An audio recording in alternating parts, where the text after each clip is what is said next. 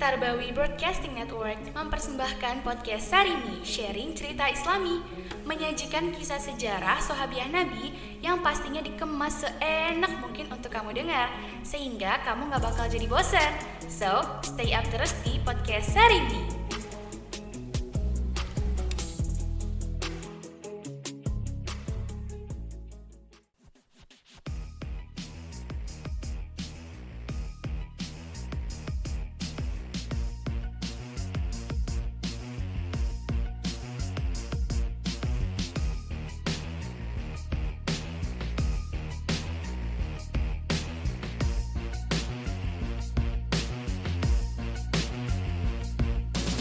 Assalamualaikum warahmatullahi wabarakatuh. Ayo, ayo, Anas. Apa kabarnya nih kalian semua? Semoga baik-baik aja ya.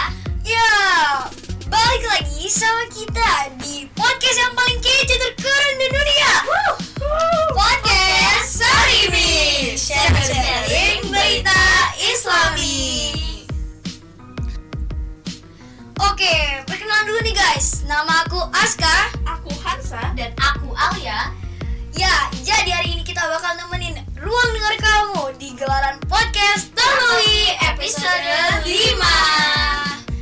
Enjoy!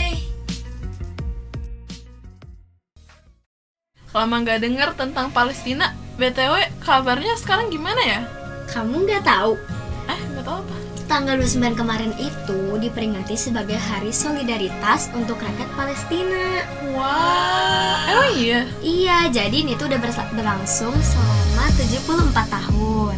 Jadi, Perserikatan Bangsa-Bangsa atau PBB mereka tuh ngebuat resolusi untuk menyelesaikan konflik di Palestina. Masya Allah, bener banget tuh kak Majelis Umum PBB ini menyarankan pembagian negara-negara Arab dan Dengan Yerusalem sebagai entitas terpisah Nah, resolusi itulah yang dianggap oleh komunitas Yahudi di Palestina sebagai dasar hukum pendirian Israel Oh gitu. Emang kalau boleh tahu, akar permasalahan dari Hari Solidaritas ini apa nih kak? Ih, pokoknya eh, nggak tahu sih ya. Kayak eh, ini tuh hari ini nih diperingati karena ketegangan antara Palestina sama Israel tuh kayak berjalan tuh lama banget malah sampai sekarang gitu. Oke, aku kan pernah baca berita nih di Britannica. Jadi eh, awalnya tuh pokoknya eh, berawal saat Palestina ada di bawah pemerintahan Inggris. Nah pokoknya waktu itu tahu kan kalian yang Hitler yang membantai kaum Yahudi Oh iya iya, iya. Nah, di pelajaran Uni sejarah. Soviet, Uni Soviet itu ya? Iya, Iya. kan. Nah, gara-gara itu kaum Yahudi ini pindah imigrasi mengungsi ke Palestina. Ya gitu. Nah, habis itu mereka malah eh, beberapa tahun kemudian mereka ngeklaim kalau Palestina ini tanah mereka. Lah, lah, lah, agak lah. jahat ya. Aduh. Iya. Jadi dia datang terus tiba-tiba bilang, ah ini tanah aku gitu Iya. Nah, ini yang disebut sama istilah Zionisme. Dengar kan? Oh iya, apa tuh kak? Kok kayak sering dengar tapi sebenarnya Aska tuh nggak tahu. kurang mengerti. Pokoknya itu eh, kayak gerakan orang-orang Yahudi internasional di seluruh dunia kayak bi- pengen bikin Israel tuh maksudnya daerah Israel di Palestina tuh jadi punya mereka gitu. Oh, biar benar-benar diklaim tuh kalau punya dia gitu. Iya gitu. Oke oke. Oleh karena itu pula, PBB pun membentuk komite khusus untuk Palestina, namanya UNSCOP tuh kak. Itu fungsinya buat apaan nih? Jadi, UNSCOP ini adalah sebuah komite penyelidikan yang terdiri dari anggota, yaitu dari 11 negara. Wow. Banyak juga ya. Nah, UNSCOP ini menyampaikan dua proposal di awal tuh. Mayoritas merekomendasikan adanya dua negara terpisah bergabung secara ekonomi, sementara sebagian mendukung pembentukan dua negara tunggal yang terdiri dari wilayah otonomi, Yahudi, dan Iran. Komunitas Yahudi menyetujui proposal pertama ini, namun orang-orang Arab menentang keduanya. Itu kak. Kok emang kenapa orang-orang Arab menentang proposal ini? Emang isinya apa deh? Nah, proposal untuk membagi Palestina berdasarkan versi modifikasi dari laporan mayoritas UNSCOP diajukan ke pemungutan suara Majelis Umum pada tanggal 29 November 1947. Setelah periode lobby yang intens, resolusi itu disahkan dengan 33 suara mendukung, 13 menentang, dan 10 abstain. berarti 33 suaranya mendukung, tapi 13-nya menentang dan 10-nya abstain ya kak? Ya, bener banget. Resolusi itu jadi dasar Israel mendirikan negaranya sendiri, sementara ketegangan dengan Palestina belum terselesaikan. Konflik masih terjadi belakangan. Palestina dan Israel kembali panas. Kali ini memperebutkan permukiman di dekat Yerusalem. Dilansir pula dari Al Jazeera 25 November 2021, Israel telah memberikan persetujuan awal untuk rencana yang akan memperluas batas kota Yerusalem dengan membangun ribuan rumah pemukiman ilegal baru di Yerusalem Timur. Nah, daerah itu terjepit di antara lingkungan Palestina Beit Hanina dan pos pemeriksaan militer Kolandia yang memisahkan Yerusalem dari kota pusat Palestina Ramallah. Situs tersebut pernah menjadi rumah bagi bandara Polandia, namun ditutup setelah letusan intifada kedua pada tahun 2000 nih Kak. Nah, tadi kan mau dibangun rumah nih. Terus kira-kira bakal dibangun rumahnya seberapa banyaknya? Nah, jadi rencananya Israel itu pengen bikin kira-kira 3000 rumah yang bakal dibangun di situ. Wah, banyak banget ya. Dan rencananya itu berkembang lagi. Jadi mereka rencananya jadi 6000 rumah. Banyak banget dong. Tapi walaupun demikian, permukiman Israel ini dianggap ilegal sama hukum internasional. Berdasarkan kesepakatan yang dibuat di Oslo tahun 1993, bagian di wilayah Yerusalem Timur merupakan ibu kota Palestina. Allah Akbar. Wih, yang terdiri dari tepi barat dan jalur Gaza. Nah, tapi Israel nih malah ngeklaim kalau seluruh kota Yerusalem tuh sebagai ibu kotanya mereka. Loh, padahal kan harusnya ibu kotanya Palestina kan? Iyalah. Nah, sejak saat itu Amerika Serikat mengakui kalau Yerusalem sebagai ibu kota Israel. Nah, tanpa secara eksplisit mendukung klaimnya untuk semua kota. Jadi ada sekitar 700 ribu orang Yahudi Israel tinggal di pemukiman di tepi barat yang tadi itu. Wah, banyak juga ya. Wah, menarik juga nih ceritanya. Terus terus gimana tuh Kak kelanjutannya? Iya, tapi kedutaan besar Amerika Serikat di Yerusalem tidak kunjung berkomentar. Ekspansi permukiman Israel di tepi barat yang diduduki dan Yerusalem Timur ini terus berlanjut sejak 1967.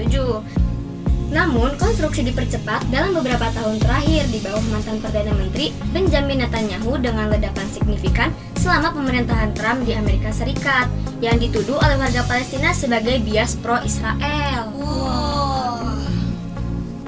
Oh gitu, jadi awal mula eh, cerita Hari Solidaritas Internasional buat rakyat Palestina. Iya, benar. Menarik banget juga ya. sih, Kak? Iya, tapi Rizky juga baru tahu pertama kali tahu kalau Palestina tuh kayak gitu. Maksudnya sejarahnya sangat sejarahnya, menarik iya, kan. kadang Kak. cuma dengar dari orang ke orang kayak gitu. Karena kayak cuma tahu Israel menjajah Palestina tapi kayak nggak tahu kenapa gitu. Iya, asal usul dulunya tuh kayak gimana? Bener banget nih kak kok kalau ngomongin Palestina tuh kayak kayak keinget gitu kayak Apa? pernah dengar lagu-lagu yang Lagu apa tuh lagu apa? tuh? eh, apa, ada apa lagu sih kak yang gini gini gini bunyinya kayak gini untukmu jiwa kami iya iya iya untukmu darah kami untukmu jiwa dan darah kami Wahai Al-Aqsa tercinta Gimana kalau kita langsung dengerin lagu Boleh aslinya banget aja?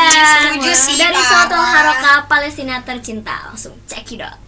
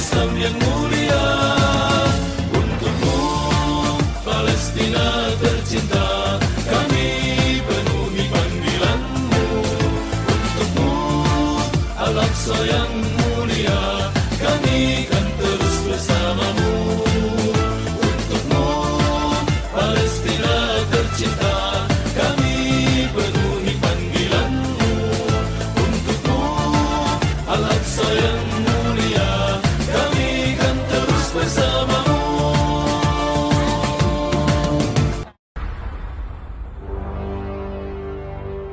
في يوم انطلاقة حماس أرواحنا ودماؤنا وأهلنا وأبناؤنا وبيوتنا فداء للقدس والأقصى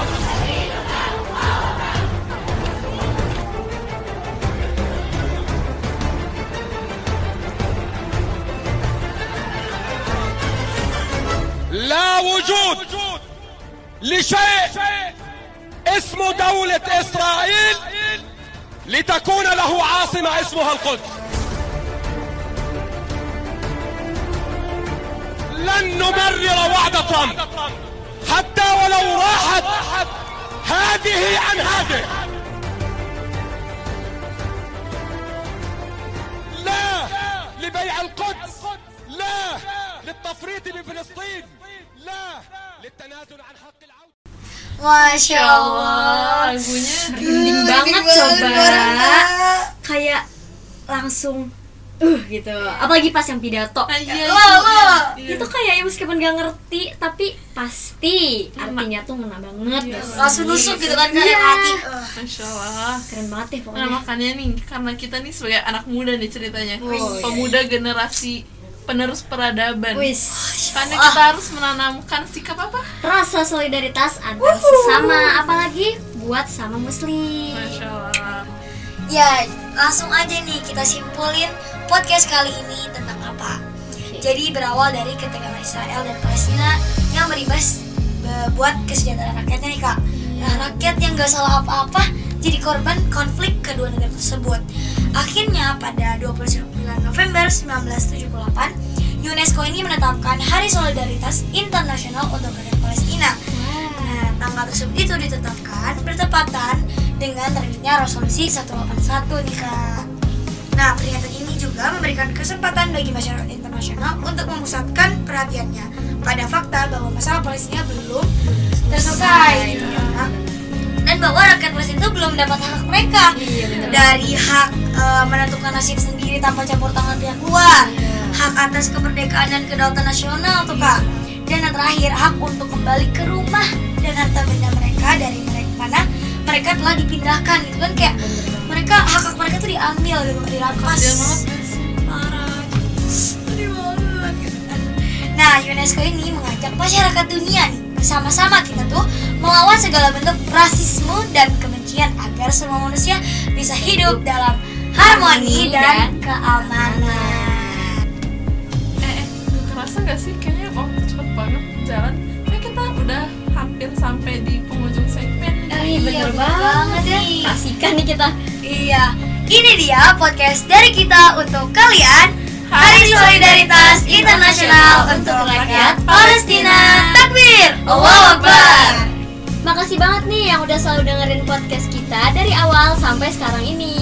Love banget gak sih Parah, harus dapat award gak sih kak? Bisa banget. Langsung ya tagihin ke anggota tarbabinya. Dijamin gak bakal dikasih. Ya semangat aja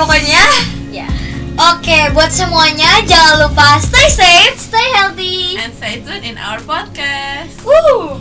Sampai jumpa di podcast selanjutnya. Bye. Bye. Wassalamualaikum warahmatullahi wabarakatuh. See you. Annyeong.